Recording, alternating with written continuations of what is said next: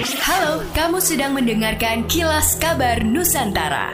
Podcast persembahan KG Radio Network menyajikan berita harian yang mengangkat keunikan dari berbagai wilayah Indonesia.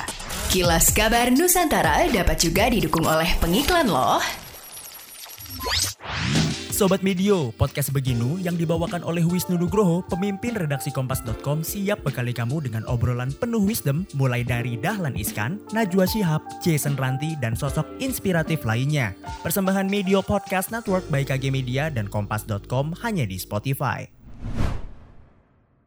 Harga BBM di Kabupaten Kepulauan Sitaru khususnya Pertalite yang banyak diburu pengendara saat ini dijual Rp13.000 per liter bila berada di dalam kota dan Rp15.000 bila berada jauh dari pusat kota. Kenaikan harga diharapkan bisa diantisipasi pemerintah lewat program bantuan jaringan sosial atau bantal sosial BBM. Diketahui Kabupaten Kepulauan Sitaru sampai sekarang belum ada atau belum mempunyai SPBU sehingga pengisian minyak umumnya berada pada penjualan penjual pinggir jalan atau biasa disebut Pertamini. Harga telur ayam di sejumlah pasar tradisional di Makassar mengalami kenaikan signifikan. Saat ini dijual hampir Rp60.000 per rak dari harga semula berkisar Rp48.000 per rak. Salah seorang pedagang di Pasar Pak Baing-Baing Makassar, Aksari mengatakan kenaikan harga sudah dari peternak ayam petelur. Kondisi ini berlangsung sudah satu pekan terakhir. Kenaikan juga terjadi pada telur bebek yang dijual Rp85.000 per rak dari harga sebelumnya Rp65.000 per rak. Kepala Dinas Perdagangan Sulawesi Selatan Asari Faksiri Raja Milo mengakui adanya kenaikan harga telur selama seminggu terakhir.